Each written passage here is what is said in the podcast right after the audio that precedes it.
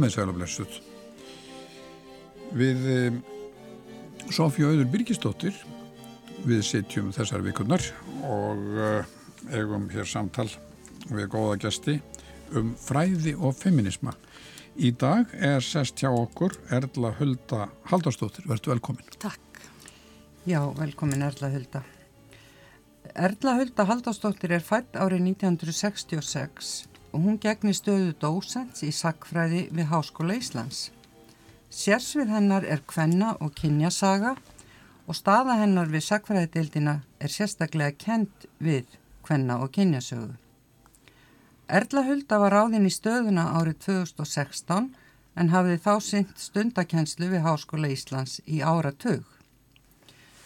Erla Hulda lög doktorsprófi í sakfræði frá Háskóla Íslands árið 2011 og ber ykkur hennar titilinn Nútímans konur, mentun kvenna og mótun kyngerfis á Íslandi 1850 til 1903. Ritgerðin var gefin út á bók sama ár og hlaut mjög góðar viðtökur. Bókin var meðal annars tilnæmt til fjöruverlunana í flokki fræðirita sem og til viðkenningar hagþengis. Erla Hulda hefur verið virk í fræðastörfum frá því um miðjan síðasta áratug 20. aldar og byrt fjölda fræðigreina, haldi fyrirlestra og gert útastætti um sögulegt efni. Þá hefur hún verið virk í rannsóknarsamstarfi bæði hér heima og erlendis og reitt stýrt sagfræðiritum og tímaritum. Þegar litið er yfir ferilskrá Erluhuldu sést greinilega hvar áherslur hennar liggja. Staða kvenna, réttindi þeirra eða réttinda leysi hefur verið henni hugleikið viðfángsefni allt frá upphafi og enginn var að vera því að áherslur erluhuldu sem fræðimanns taka mið af feminísku sjónarhorni. Því er kannski eðlilegt að spyrja hér í upphafi svona personlegum nótum hvar og hvers vegna þessi áhuga og sögu hvenna kviknaði og kannski einnig með vísunni titil einnar fyrstu greinarinnar sem hún byrti er illt að vera fættur kona? Já, um, hvað varðar svona það hvers vegna ég hef þennan áhuga á og, og hef í rauninni helga mig uh, sögu kvenna og, og kynja þá hef ég auðvitað hugsað um það og það er alltaf þannig þegar við erum að velta fyrir okkur af hverju við erum orðin eitthvað og við erum að horfa tilbaka þá fyrir við að búa til frásögn yeah. og setjum okkur í einhvern ákveðin ramma og ég er alin upp í, í sveit og þar var kannski mörguleiti svona hefbundin uh, verkaskipting kynjana og þó ekki, móður mín var að þeirri og er að þeirri kynnslóða að hún svona tók mikinn þátt í, í útistörfunum. En það sem ég held að kannski hafi smá saman gerst að vera, já ég svo kom fram að ég er fætt 1966 þannig að ég er badd þegar hvernafrítagurinn er og svona endurómurinn barst náttúrulega í gegnum fjölmiðlana í í sveitina og, og síðan er þetta vigdískjörin, það eru hvernalist og hvenna frambóð og ég er ung stúlka þá að fara í, í mentaskóla, heimavistaskóla á, að, að lögarvatni og þar kannski smám saman, á þess að ég geti sett puttan á eitthvað eitt, þá smá saman verður til einhver áhugi á því öllu sem viðkom konum. Ég vissi samt ekkert að ég myndi fara akkur á þessa leið, en ég hef stundum sagt að kannski hafi verið óhjákvæmilegt, allavega í mínu tilfelli, með alla þessa áhrifavalda í kringu sig að fara einhvern veginn þessa leið. En hinn hluti spurningarinnar er ílt að vera fættur kona, þessi frábæru orð, þurriðar Jónsdóttur Ljósmáður að svarfóli. Já.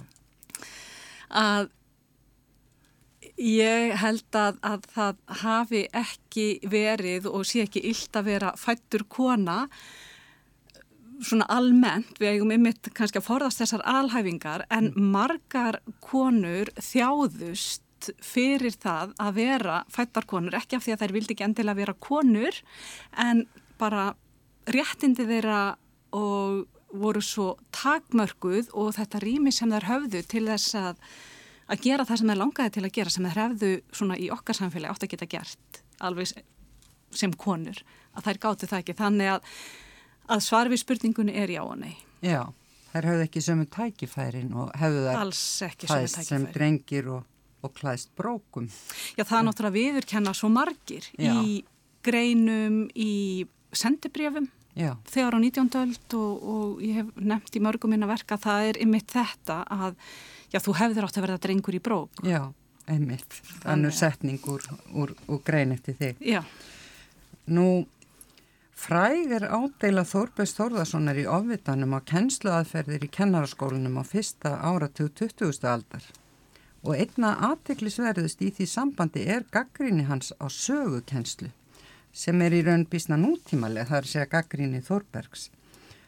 Þótt hann telli mannkinsögu Páls Melsteð sæmilega stílsetta metur hann efni hennar ósku barnalegt því þar sé ekki fjallað um lífsbarattu hins óbreyta fjölda ekkert um framvindu sálarinnan í sköpun menningarinnar, ekkert um eblingu atvinnuvegan í þróun fjárhagsaflana, ekkert um afrekt, tækni og vísinda nýja áhrif trúabræða bókmynda og lista. Hann segi þvert á móti að efnið hafi mest allt verið um konunga, keisara, herfóringa, styrjaldir og landrán og hann klikkir út með Mannkinsaga Páls Melste var því engin mannkinsaga Hún var ekki um mannkinnið. Megin þráður hennar var frásagnir af brjáluðum ástríðum en vitsmunaleg og listræn uppbygging skinnseminar þótti þar miklu síður frásagnaverð.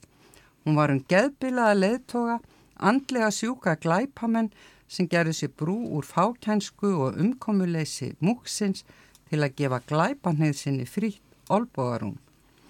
Þetta var tilvittnin í ofitan. Nú margt af því sem Þórbergur kallar þarna eftir hafa íslenski sagfræðingar rannsakað og skrifað um á þeirri rúmu öld sem liðina frá því að Þórbergur satt í sögutímum í kennaraháskólanum hösti 1909 en hann nefnir þó ekki sérstaklega uh, að hann sakni sögu kvenna mm.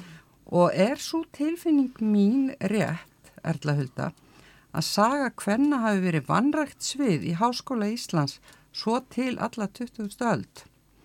Reyndar finn ég stóð í þeirri tilfinningu í viðtali sem þú tókst í sagfræðingin Judith M. Bennett, professor í Háskóli í Suðu Kaliforníu og byrtir fyrir áratug í tímaritinu sögu. Þar segir þú sjálf í upphafi að feminisk sagfræði sé fyrirferðalítil í íslenskum fræðaheimi hvað þá innan háskólan? Já, já, sko hvenna saga á, náttúrulega, hún var í rauninni, hún var ekki kend innan Háskóli Íslands fyrir en, já, 1982 er fyrsta námskeiði kend og það er Sigriður Tjó Ellensdóttir sem kennir það, sakfræðingur og fyrir þá, þá er það unga rótækar uh, stúlkur í, í sakfræðinni sem vildu takk fyrir fá uh, kvennasögu mm. og undir áhrifum þetta nýju kvennarhefingunum öllu sem var að gerast bæði innanlands og, og utan í því og ekki síst líka fyrir áhrif frá bókmentunum. Voru það sem sagt nefnendur sem kölluð eftir nefnendur þessu námskeið? Já, nefnendur kölluð eftir þessu og í þessum hópi eru, eru ymsar eh, sem að hafa síðan lagt fyrir sig að pólitík nokkuð margar. Eh, það er fóru semst í stjórnmálinn, þetta eru hvernalist á hvenna frambóðskonur og, og, og síðan já líka sakfræðingar. Margrit Guðmustóttir á, á, á Akureyri til dæmis sem var í þessum hópi og, og hefur aðeins skrifað um þetta í grein í sögu, eh, landnam hvernasögunar og þær fara fram á að fá námskeið í hvernasögu og, og fá þá, það tók heilan vetur og þetta var svona, þetta var í fyrsta skipti og síðan kendi Sigriður annarkvert ár uh, hvernasögu, ég var hjá henni 87, frekar en 88 uh, til dæmis. Í, og fyrsta námskeið er 8, 1982? 1982. Það er ári eftir að fyrsta námskeið í hvenna bókmynda fræðum er kent. Já og þetta helst í rauninni, þetta helst allt í hendur, uh, það er mjög auðvelt að sjá það þegar farið er að skoða það sem konur er að skrifa í stúdentablaði til dæmis, þær eru að skrifa Ingi Björg Solrún, Margrit uh, Guðmunds og uh, Inga Huld er líka að skrifa uh, um hvernasögu sem er þessi nýjung sem er að svona farin í gangu orðin háskólafag. Mm. Uh, víða í, í vestrænulöndum á Norðurlöndunum og, og þær eru farnar að fara á ráðstefnur til dæmi Sigriður Ellend sem, sem skrifaði reyndar um ymitt uh, eh, sögu kvenna í sinni bæði bíja og, og kantmakrítgerð þannig að þess vegna báði þær um að, að hún myndi, kenna.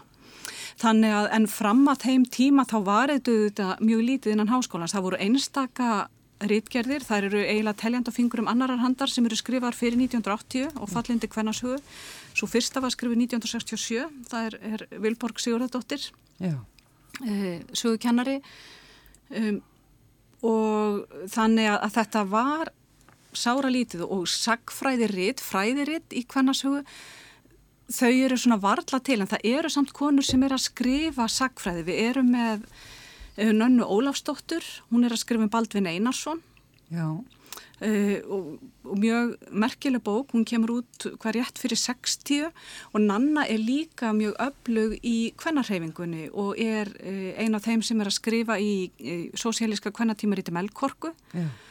og og það er mjög áhugavert og við erum í rauninu eftir að skoða þessar konur betur sem voru aðeins að fást við svona samt sumar kvennasuguleg málefni, ég að það er um, Arnheiður Sigurðardóttir er það ekki, jú, hún var að skrifa um hýbílafræði og svona hús og, já, á, á miðöldum. Já, og það já. er bara upp úr 1950 já. síðan er auðvitað Elsa Guðjónsson að hún er farið til bandaríkjana í nám í textilfræðum og, og sögu um 1950 mun ég rétt og hún skrifar um fersu í íslenska búningin og svona þessa búningasögu og, og all þessi kvennaverk. Yeah. Þannig að þær er að vinna svolítið, þær er að reyna að komi sér í sögu inn yeah. uh, en hún kemst ekki inn í háskólan og það sem ég hef gert og skrifaði greini sem byrtist í sögu núna í vor um sagnaritun hvenna svona fyrir 1970 fyrir þessa svona nútíma hvennasögu og feminísku sögu að, að þá var ég að, að meðal annars að benda á og, og draga fram dæmi um hvernig konur er að gera aðtöðasemtir við þessa sagnaritun sem hefur verið í gangi þá sagnaritun sem að, að Þorbergur og þetta á söguritun sem að hann er að lýsa á sögu kennslu, já, af því að konur einfallega komast ekki að og það er skrifa um aðra konur og síðum hvennablaðana sem voru gefin út. Það skrifum konur inn í sínar eigin sjálfsæfisögur. Mm. Þannig að þetta er, uh, hefur verið það sem ég hef gert að vilja kalla uh, kvennasaga sem æfisaga, svona í formi þessara æfiþáta. Yeah. Og það er mjög áhugavert að skoða þetta. Og ef ég held örlítið nefni eitt dæmi en það er af því að það er bara svo óbúslega skemmtilegt og Sýri Mattíastóttir nefnir það mitt í dóttarsreitgerðinni sinni, hins hann Íslandingur líka að þá reyndu konur uh, í bandalagi Kvenna með Inguláru Lárustóttur í, í kennar árið stjóra tímaritins 19. júni í brotti fylkingar og var mikil sög áhuga kona að það reyndu að fá peninga 1926 og fá því alþengi til að, að samþykja að skrifa sögu íslenskra kvenna í þúsund ár. Já sem er þið gefin út á alþengisháttíðin 1930 mm. væri ekki frábært sögðu þær og, Inga Lára skrifar það í 19. júni að, að geta á þessu tímamóta ári 1930 hort tilbaka og bara séð hvað konur voru að leggja til menningar og, og sögu þjóðurinnar það er, já, það er þetta gekk ekki eftir, það er leituð til alþengis líka til þess að fá peninga síðar og þetta var rættin á alþingi þar sem Ingi Björg K. Bjarnason reyndi að, að stiðja þær og tala fyrir þessu og, en þeim var bara ítt til hliðar og þær voru ymmit búin að sjá fyrir sér þá ætti að vera svona þátturum merkarkonur það bara fyldi auðvitað eh, um menningarmál og um bara svona störf hvenna. Þannig að þetta er mjög merkilegt en, en þetta náðist ekki gegn og, og sagði hvenni þúsund ári renn og skrifuð. Já, en svo gerði hún hérna Björga Einarstóttir þess að merku útastætti úr líf og starfi íslenskra hvenna sem svo, voru svo gefnir út í þremur stórum bindum. Var hún sakfræði mentuð? Nei, uh, Björg og hennar frábæri bækur og það sem hún gerir er dæmi um annað einmitt sem var að sem áttir sér stað í íslenski sakfræði og, og hvað var þar hvennasögu og, og, og ef við viljum tala um það sem feminíska sögu, við kannski getum rætt um meirum skilgreiningar á eftir en, en Björg er ein af þeim sem við getum kallað svona áhuga sakfræðing eh, náttúrulega búin að starfa í kvennarhefingunni lengi og, og koma að, að undirbúningi kvennafrídagsins og, og mjög vel að sér og, og áhuga kona um sögu. Hún hefur unnið að ýmsum sakfræðiverkum og hún gerir þessa þætti og um þessar konur og þetta eru frábærar Heimild. heimildir af því að það sem Björg nær að gera, hún er að fjallum konur sem að voru uppi á 19. öld, sent á 19. öld og, og snemma á 20. og hún nær að tala við fólk Já. og fá persónulegar e, frásagnir af konum sem voru löngu dánar og þetta eru frásagnir sem við myndum ekki að fá í dag. En, en hún er sem sagt ekki læriður sakfræðingur og það var þannig um marga fleiri sem voru að skrifa um hvernasögu. Mm. Uh, Gísli Jónsson, menturskóla kennar á Akureyri, um, og nú skal ég ekki segja, kannski hefur hann verið með, með íslensku, svona gamla íslensku prófið, þið mm. kannski viti betur um það, en hann skrifar til dæmis bók sem við notuðum mjög mikið þegar ég var í sakfræðin á mig, sem heitir Konur og kostningar. Já. Og það var bara fyrsta bókin sem var skrifuð um svona kostningaréttabaratu íslenskara kvenna. Hún kemur út 70 eitthvað, kannski kringum 75, mann ekki alveg ártalið. Og það er líka mjög áhugavert vegna þess að í öðrum löndum, bæða Norðurlöndunum og Breitlandsegjum, þá voru konur mjög uppteknar af því að skrifa þess að sögu sjálfar. Já. Skrifuðu heilmargar bækur um kostningaréttabaratuna, bæði svona fræðilegt og líka í formi æfisagna. Þannig að við, við erum á einhverjum öðrum stað mjög lengi hér Já. á Íslandi. Það Gísla hefur runni blóðu til skildunar átti fimm eða sex dætur. Já. Nú, um, Við erum svolítið búin að koma inn á uh, það sem átt að vera mín næsta spurning, það er að segja svona hvernig hvenna sakfræðin verður uh, til hér á landi og það er þá kannski uh, hægt að miða við nýjunda áratug síðustu uh, aldar, mm -hmm. en fræðasviði þar að segja hvenna saga er kannski ekkit mikið eldra ef við lítum út fyrir landsteinina. Í yfirlitsgreinu sem ég hef verið að lesa þá er þá er svona talað um kannski upphaf áttunda eða svona í kringu 1970, er það, er það rétt skilið? Já, það er þessi venjulegi svona uppháspunktur fyrir þessa akademísku kvennasögu.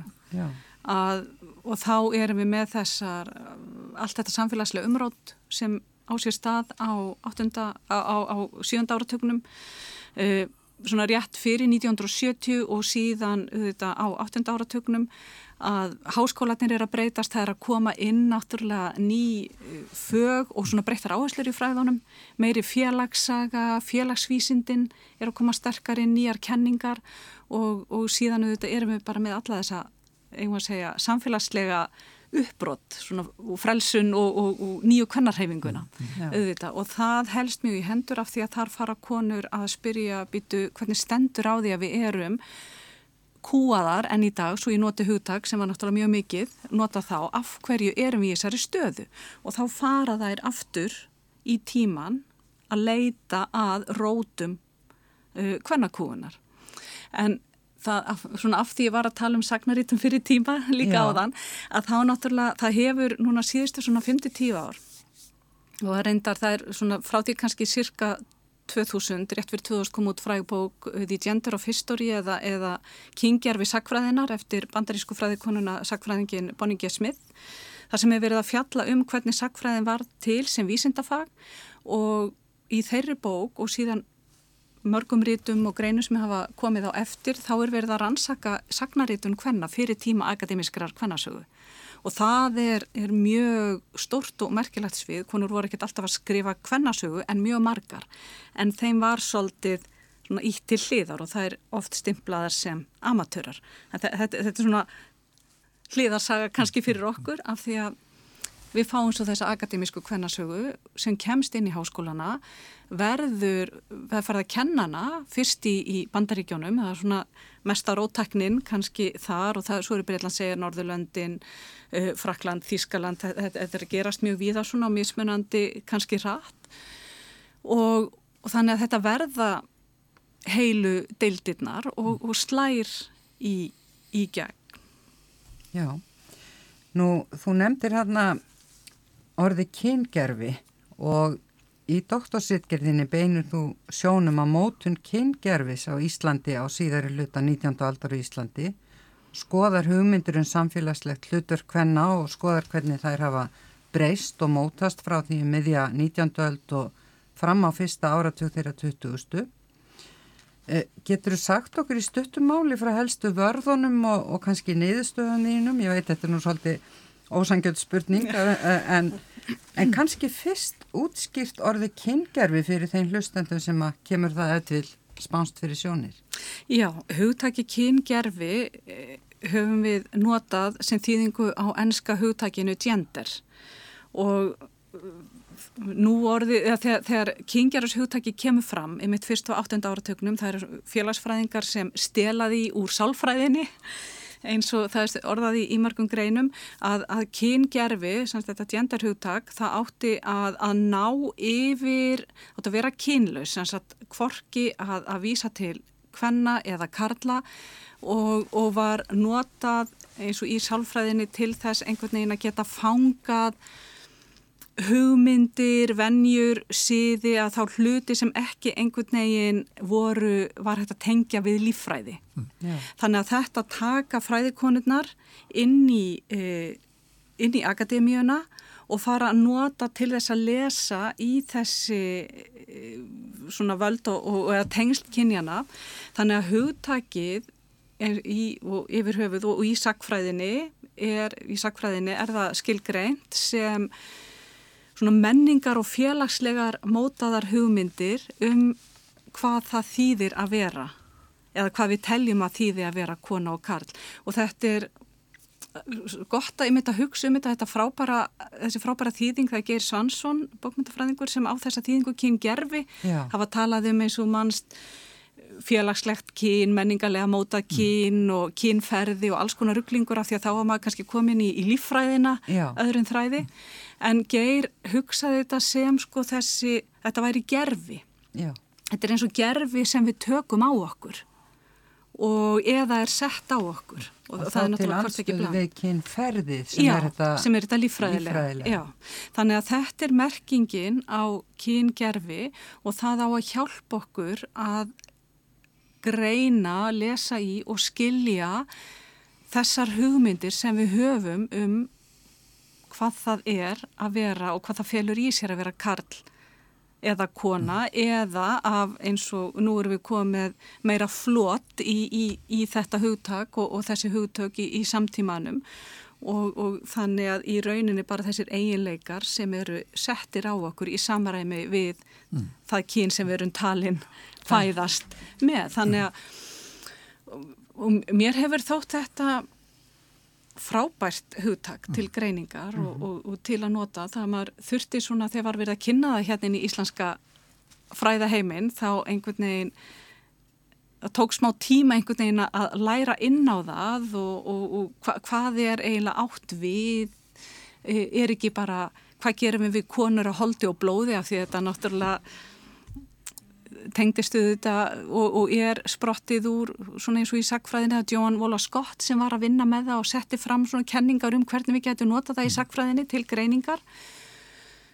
Og var reyndar ekkert fyrst til þess að náði svona að fanga e, það sem ymsir aðrir voru að segja og, og, og mörgum Já, ég, Já, bara, þetta hugtak hefur semst gert í rauninni, gert það mögulegt að já, þróa þessu umræðu áfram. Algjörlega, af því að það sem sko einhvern veginn þetta er svona abstrakt hugtak Já. og það fannst mörgum svo óþægilegt hvað, og, og tengdist e, postmodernískum, poststrukturalískum hugmyndum og, og náttúrulega orðræðu e, Derrida og Foucault þessi frægu mm. fransku kallar og, og hugsuðir og einhvern veginn að við værum sko, kyngerfi væri mótað með orðræðu mm. Með því sem við segjum og þetta líka því sem við gerum. En, en þá voru, voru óbúslega mikla deilur, þetta var kallaði bara hluti af svona stónu kenninga, kenningalögum deilum og stríðum í fræðanum yfir höfuð. En konur tókust mjög hart á á, á þessum um þetta hugtæk en, en það er mjög hjálplegt til þess að skilja það hvernig við svona hvernig fólk hefur skilið hlutverk sitt Já. og eða hlutverk eða stöðu sín í samfélaginu og hvað það þýtti einfalda að vera fættur á konu og það kallið að kona eða, eða af einhver öðru, öðru kyni eða óræðu kyni. Og Bríð Bjarniðsdóttir til að mynda og ég er nú með það einhverstaðar í doktorsrítgerðinu, gott ef ég byrji ekki rítgerðina á, á, á, á tilvittunni í hana þar sem það er líklega í fyrirlestrinum hennar sem hún hjælt 1887 frekar en greinin 85 þar sem hún bara segir sko að hvernig konur, það, það sé alltaf verið að segja að þær get ekki hitt og þetta, þær get ekki hugsað rögrétt og, og, og kunni ekki að, að reikna það verið í business og, og einhverju slíku. Og hún segir beinlinnist, það er bara því að þeim er aldrei kent að hugsa. Hún segir það bara reynd út. Og þegar ég lasi þetta á, á þeim tíma sem ég var farin að skilja kyngerfis hugtæki þá hugsaði ég, vá.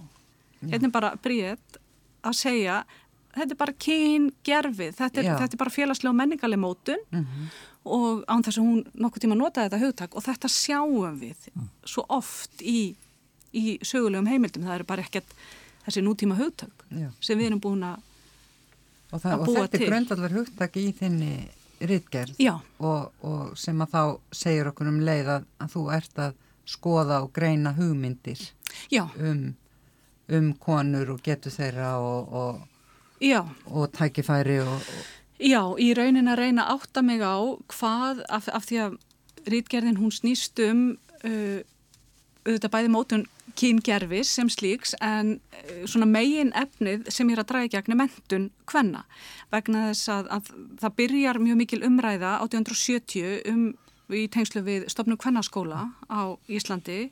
Uh, þá er byrt, byrtir Páll Melsteð sem var nú nefndur hérna sá, sá merkilegi maður að hann byrtir grein í blaðinu Norðanfara um nöðsinn þess að stopna kvennaskólu í Íslandi af því að konur áttu ekki möguleika á neittni mentun umfram uh, barnaskóla mögulegt barnaskóla nám barnaskólanir voru nú bara teljendu fingur um annarar handar á, á, á þeim tíma og Eh, Þannig að það var ekkert í bóði fyrir þær, ekki latínu eða sem slærði skólinn eða neitt og þá upphóðust þessar miklu deilur í blöðunum þar sem fólk skrifaði fram og tilbaka um hvers konar mentun konur væru færar um að fá og hvert samfélagslegt hlutverk þeirra ætti að vera.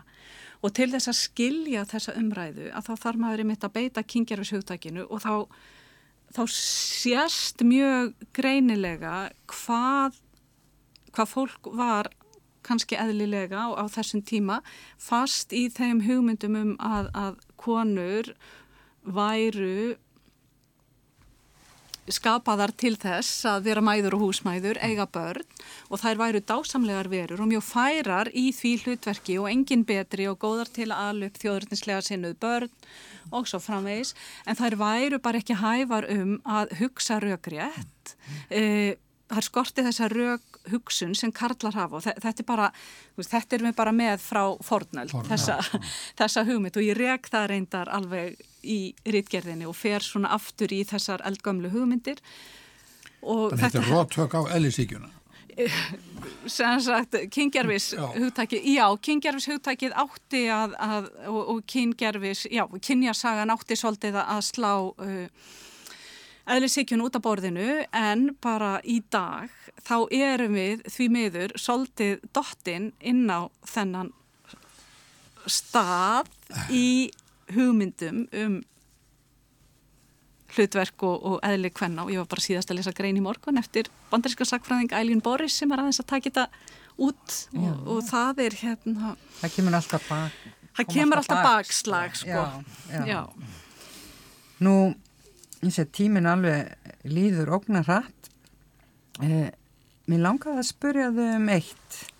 Eh, í grein sem að þú sendið mér til undirbúnings þessa samtals eftir Joan Scott, þá ræðir hún sérstaklega þá breytingu sem hefur orðið á kvennasakfræði eftir að hún var innlimuðin í háskólana.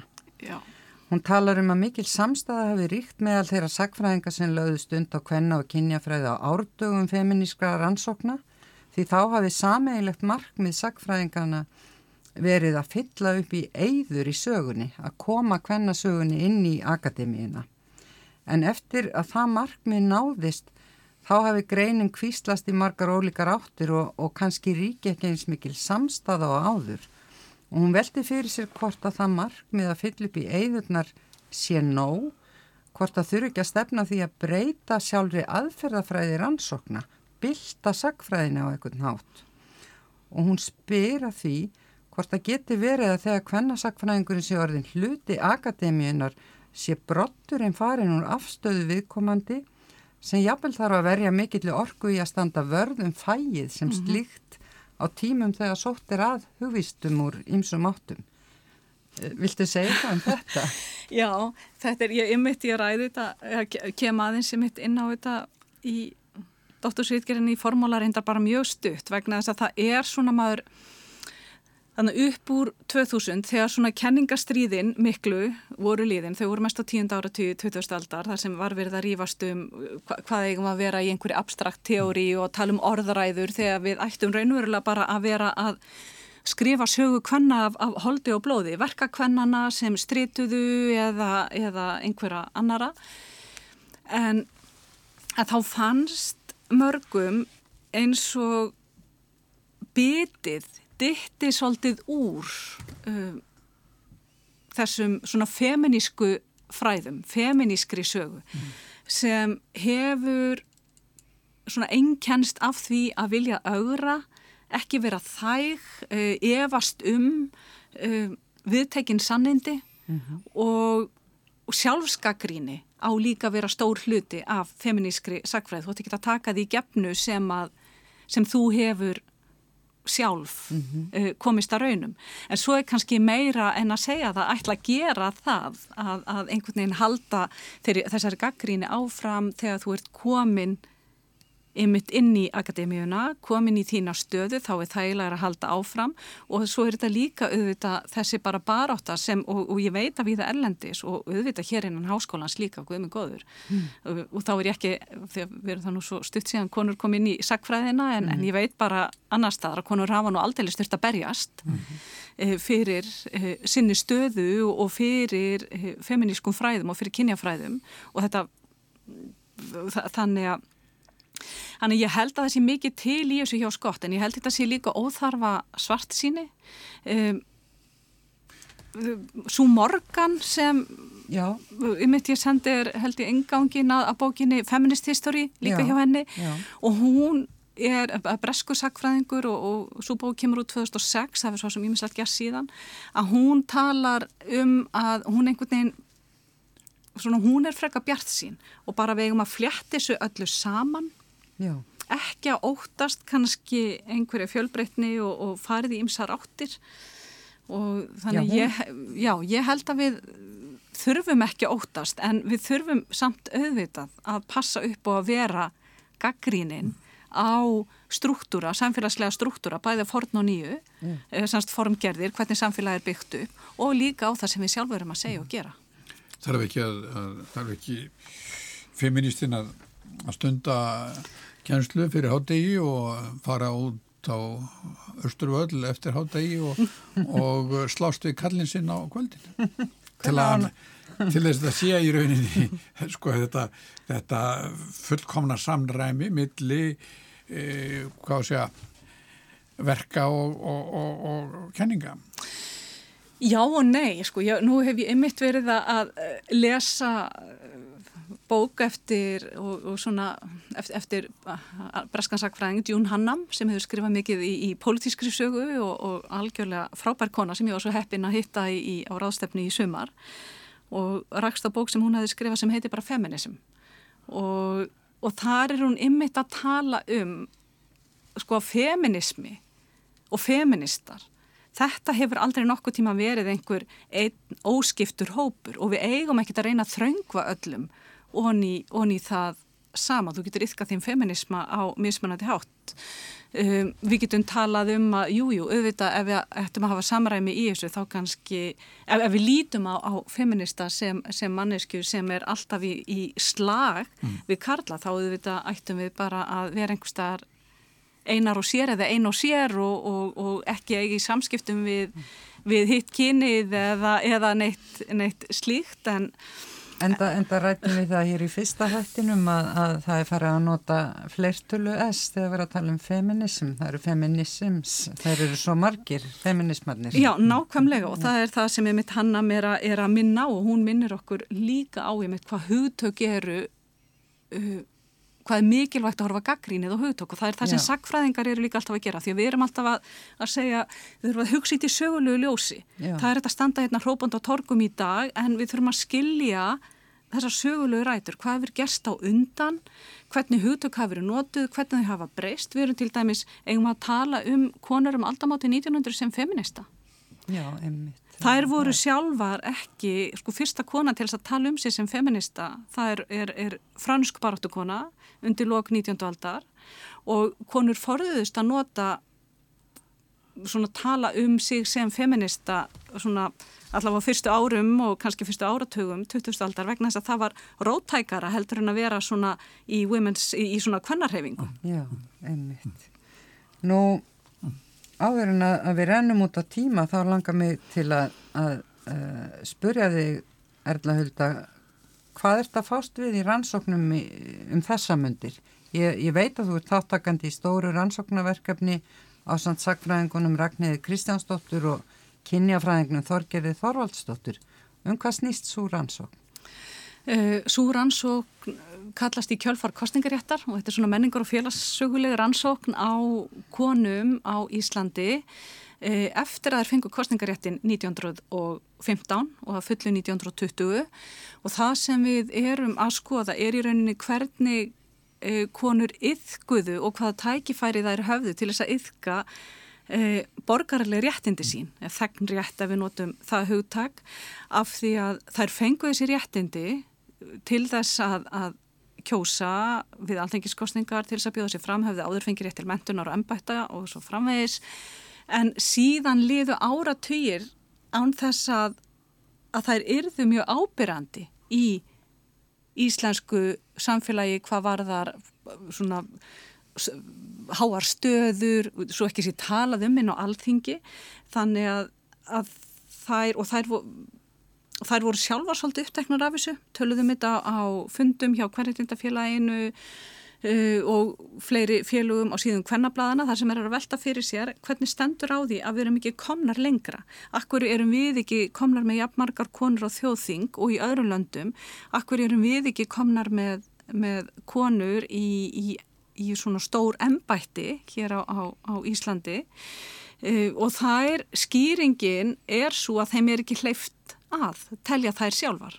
Þannig að við erum að, að skoða þessa sögu en við erum líka svolítið að skoða hvernig þrátt fyrir þessar hindranir sem er mætt og þrátt fyrir að, að þær kemist ekki að í, í það sem við svona köllum hápolítík hvernig fóru þær að því að hafa áhrif og Ragnæður hefur einmitt skrifað um þetta grein í sögu um svona nöðsinn þess að beita nýju sjónarhortni á íslenska stjórnmálasögu. Af því að það eru allir svo uppteknir á köllunum og, og svona hápolítík þeim sem réðu öllu. En hvað var að gerast í græsrótinni? Þar var til dæmis fullt af, af konum. Og síðan hafðu konir gegnum kvemmfélagin og í gegnum hverjitindafélagið það sem er mjög áhugavert svona já fram á sjötta áratugin hvernig konur þvert á stjórnmálaflokka geta saminast í gegnum það í alls konar lobbyisma til þess að koma í grásrótinni til þess að koma sínum málum áfram í samfélaginu. Þannig að þetta er það sem við erum að, að fást við. Nú er endar spennandi. Sko nú hefur kannski hafa ekki gilt alveg sömu lögmál hér og, og við annar staða þar sem hvenna bara áttan að kom svona bakslæg eftir setni heimstyrjöldina. Konu voru reknarinn á heimilnattur og, og sagt að vera sætar en, en En hér á Íslandi þá upplýðum við þetta ekki í sama mæli eða hvað? Já, sko, nýjustur ansóknir, það er mjög mikið verið að, er, eru komnar út bækur og ymsagreinar um svona það sem er kallað e, í kjölfar kostingaréttar mm. í rauninni, e, sérstaklega á Breitland segjum og, og víðar og þar í þessum rannsóknum er verið að einmitt benda á að konur voru að gera mjög margt. Málið er að okkur hættir til að líta á þetta tímabill sem svolítið dött vegna þess að þegar, eftir að kostningrætturum vannst þá voru bara önnur málefni sem var verið að berjast fyrir. Og auðvitað var konum kann, meira áberandu þetta að, í öðrum löndum eins og Breitland segjum að það var verið að reyna að íta konum aftur inn á heimilin en það let ekkert íta sér inn. Vissulega eru dæmi þar sem þeim var einfallega bannað að taka þátt. Það er nú frækt, nefni nú eitt sem ég finnst alltaf jafn skemmtilegt. Konur voru að spila knatsbyrnu á Breitlandsegjum mm. á fyrstu, ég hefndi lok 19. aldar og, og snem á 20. öld og það var mjög frækt fótballtafélag Dick's Kerry, Dick's Kerr Ladies sem spilaði fyrir 20.000 á, á Goodison Park í, í, í Liverpool í, í hérna, 1914 eða eitthvað álíka mm. og fólk alveg sótti á þess þessa leiki af því að það er bara, er voru bræðislegar. Síðan líku stríðinu, kallarni koma heim, þá eru konurna fyrir. Mm. Og þar beilins braskar knastbytnarsambandi bannaði konum að spila á sagt, fyrstu deildar völlum og því banni var ekki, þær gátt ekki verið með almennilega deildarkeppni fyrir nefti 1970 því að banninu var aflétt. Þannig að það er til dæmis dæmið um það sem þú ert að nefna ævar en, en, en hins vegar voru konur að hafa sér íframmi, komast inn á þing, vinna í ymsum málum og þar voru kvennfélögin mjög ábyrgandi, alls konar svona félagsamtöng hvenna og hvenna tímaritt. Mm. Þannig að þetta eru þættir sem við erum með mitt að skoða hérna líka og svolítið bera saman en vissulega mjög ólík samfélag. Mm. En um, ef við hugsaum aðeins aftur um þarna gaggrínina sem ég nefndi áðan um, uh, og þessa spurningu um að, að það verður ekki nóg að fylla upp í eigður mm -hmm. heldur þyrti uh, eh, hvennasakfræðin um, eh, eða aðferðafræði hvennasakfræðinar að einhvern veginn að umbylta uh, greininni hefur það gerst og, og, og hef, þá kannski fylgispurningin hefur aðferðafræði hefur feminísk aðferðafræði haft áhrif á Eh, þá sagfræðinga sem fást við Karlasögu. Og Karlkins sagfræðinga e, eh, Já, hún hefur gert það. Og það er sko, hvort hún hefur umbylt sagfræðinni ég held að við getum kannski ekki leift okkur að segja hún hafi umbylt af því að það er gefið út fullt af þetta bæði hér og ekki síst erlendist þá er gefið út fullt af svona dæmigerðum svona gamaldags kalla sagfræði bókum sem snúast fyrst og fremst um stríð og herfóringja og, og... Þetta sem Þórbyggur var að gagna. Já, já, nákvæmlega. Já. En á hinbógin þá er bæði hér og erlendis að þá sjáum við í rannsóknum, í verkum, í missa Kalkins sagfræðinga sem er að skrifa um aðskiljanlega efni að þeir eru að taka kingjarvis hugtækið inn að minnstakosti svona einhverju leiti, þeir kannski beita því ekkert á, á allt verkefni sitt eða alla rannsóknina þannig en, en þeir eru meðvitaðir um þá. Það er það sem ég er ofta að segja við nemyndur mína þegar ég svona sé kannski það er hík og það var nú reyndar helst framan af. Það voru svona eldri kallmenn sem krosslögðu handleggi og voru tilbúinir í vörð þegar maður fór að tala um einhverja feminíska sögu að það þurfi ekki allir að verða hvern og kynja sögufræðingar en þið þurfið að þekkja þessar kenningar og þekkja kynjar við sögutakið og hvaða áhrif það hefur samfélagslega. Mm. En síðan er, og kannski rétt að nefna að það er í las fyrir nokkrum árum greinar um varandi norska sagfræði og mér finnst ímislegt til í því að þar voru svona yngri sagfræðingar að segja að þrátt verið allt sem þið hafi gert og allt sem svona gamlu góðu e, svona brautriðandurnir í, í hvern og kynneshug, Grúhagimann, Ítablóm og, og fleiri að að sko þær næðu samt ekki inn í megin ströymin, ekki inn í það sem við höfum kallað stórsögu. Að verða hluti af eins og sögu Noregs. Þær væru alltaf svolítið hvernarsagan, allt þetta merkila sem væri skrifað að það væri alltaf svolítið eins og svona hali, hún talaði um, um haliheng þarna, þetta, að bara hengi einhvern veginn til hliðar og aftan í eh, e, megin sögunni væri það flytið þarna einhver starf með en kæmist ekki inn í meginströymin mm. og það er það auðvitað sem að sem við erum að hugsa um og erum að reyna breyta hér líka konur kvennasaga, kynjasaga og, og ymmit líka mikilvægi þess að hugsa um karla og karlmennsku og að, að, að sko kyngerfi, ég menna kallar eru ekki að, þeir eru, þeir eru kyngerðir í, a, alveg jæfn mikið þannig að það er það sem maður líka benda nefndunum á og, og, og bara meðum ekki, þetta, þetta snýst ekkert bara um konur að, en þetta er það sem svona einhvern veginn við höfum verið að reyna að koma að en, en við erum enn kannski með í okkar litla samfélagi það, það tekur tíma að breyta kennslubókum, það tekur tíma að einhvern veginn, þetta er allt svolítið segfljótandi, við mm. getum gert alls konar rannsóknir upp í háskóla og byrt skemmtilega greinar á okkar eigin mati í, í okkar fagtímaritum og, og mætti út af sviðtöl og, og, og menna, það er hluti... Við erum að reyna að útbreyða og svona, halda fyrirlestra en En samt finnst manni stundum eins og þetta skilir sér ekki og þá spyrir maður sér hver er ástæðan? Er, er einhver hindrun einhver staðar eða, eða hvað bara, já, já, hvað er í gangi? Þetta er, hvernarsagan er kannski ekki alveg komin inn í meginströmin en, en ég vonum sér á leiðinni þangað. Eru fleiri en þú sem að kenna hvernarsögu í dag við Háskóli Íslands? Sko ég, í deildinni náttúrulega er ég að kenna hana sérstaklega en, en já, Ragnæður Kristjáns hefur tekið hana inn í, inn í sína rannsóknir og, og við höfum kent saman eh, námskeið um, um konur á 20. stöld og, og, og fleiri, ég, ég geti talið í raunin alla kallan upp í deildinni líka og þeir eru, ég veit þeir eru með námskeið og sum er að segja sérstaklega sem varða svona Ég veit að í haustallar Guðmundur, verður Guðmundur Jónsson profesor sem hefur nú reyndar í mitt rannsaka velferðarkerfið talsvert og þátt hvenna í því að hann verður með námskeið sem, sem tengist í rauninni svona, svona einhverju leiti hagsugulegt og, og, en tengist þá svona störfum hvenna og, og mjög mjög áhugavert svona fram einhver áhrif hafa kannski al, síjast þarna það hafa, það hafa algjörlega síjast inn, inn áhrif og, og nefnendur vilja það bæði Já. stelpur og, og strákar auðvitað eru einhverjir sem eru á, á ekki að tripnir eins og alltaf, ég menna mm. þú getur ekki já, verið hrifin af öllu en mér finnst þau vera frekar jákvæð uh, unga fólkið og, og strákarnir ekki síður mm. en stelpurnar og þeir eru mitt svolítið uppdæknir líka af stöðu sinni sem, sem kallmenn og bara spyrð oft út yfir ræðum um kallmennsku hugtækið, mm. hvað þýða að vera kallmaður, hafið upplifað einhverja kröfur á ykkur sem slíkir þegar við erum að ræðum svona þessa sögulegu þróun og það er mjög áhugavert mm. og, og þeir hafa mikið áhuga að spá í þetta.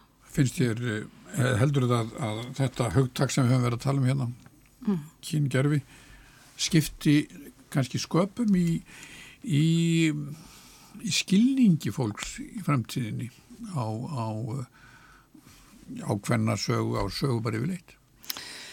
Sko ég held að það hafi, þetta hugtak hefur þegar breytt því hvernig við skiljum söguna, ekki bara fræðmenn heldur svona ímist áhuga fólk, en á hinbógin þá erum við, sko við tölum um kingjarfi og erum hérna upp á okkar tiltöla friðsama Íslandi, mm. en um þessar myndir er allt sem heitir gender, kyngerfi, það er verið að útýsa því í sumulöndum, kynjafræðum, já úr háskólum eða kynjafræði e, þar sem auðvitað feminísk eða, eða svona sagfræði byggð á þessum hugmyndum fylgir þar með, við getum eins og í ungverja landi og, mm. geta vinkonu sem starfa við Central European University og það, það er búið að, að, að, að þvinga þau til Vínar.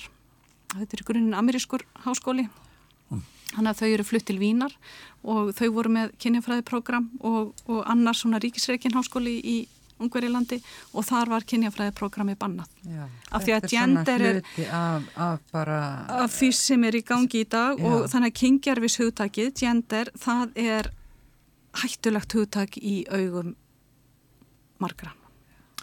Já, þannig að ef mann ímynda sér að, að uppsjörunnir tímar algjers eh, einingar, algjerar einingar um skilning á, á samfélaginu og hlutverkum kynja, þá er það miskilningur. Við höfum eftir að sjá fram á ímislegt á næstunni. Erla Hölda Haldarsdóttir, dósend í Sagfræði Háskóli Íslands, bestu þakki fyrir að hitt okkur Sofjóði Birgistóttur og hlustendur að máli. Takk fyrir mig.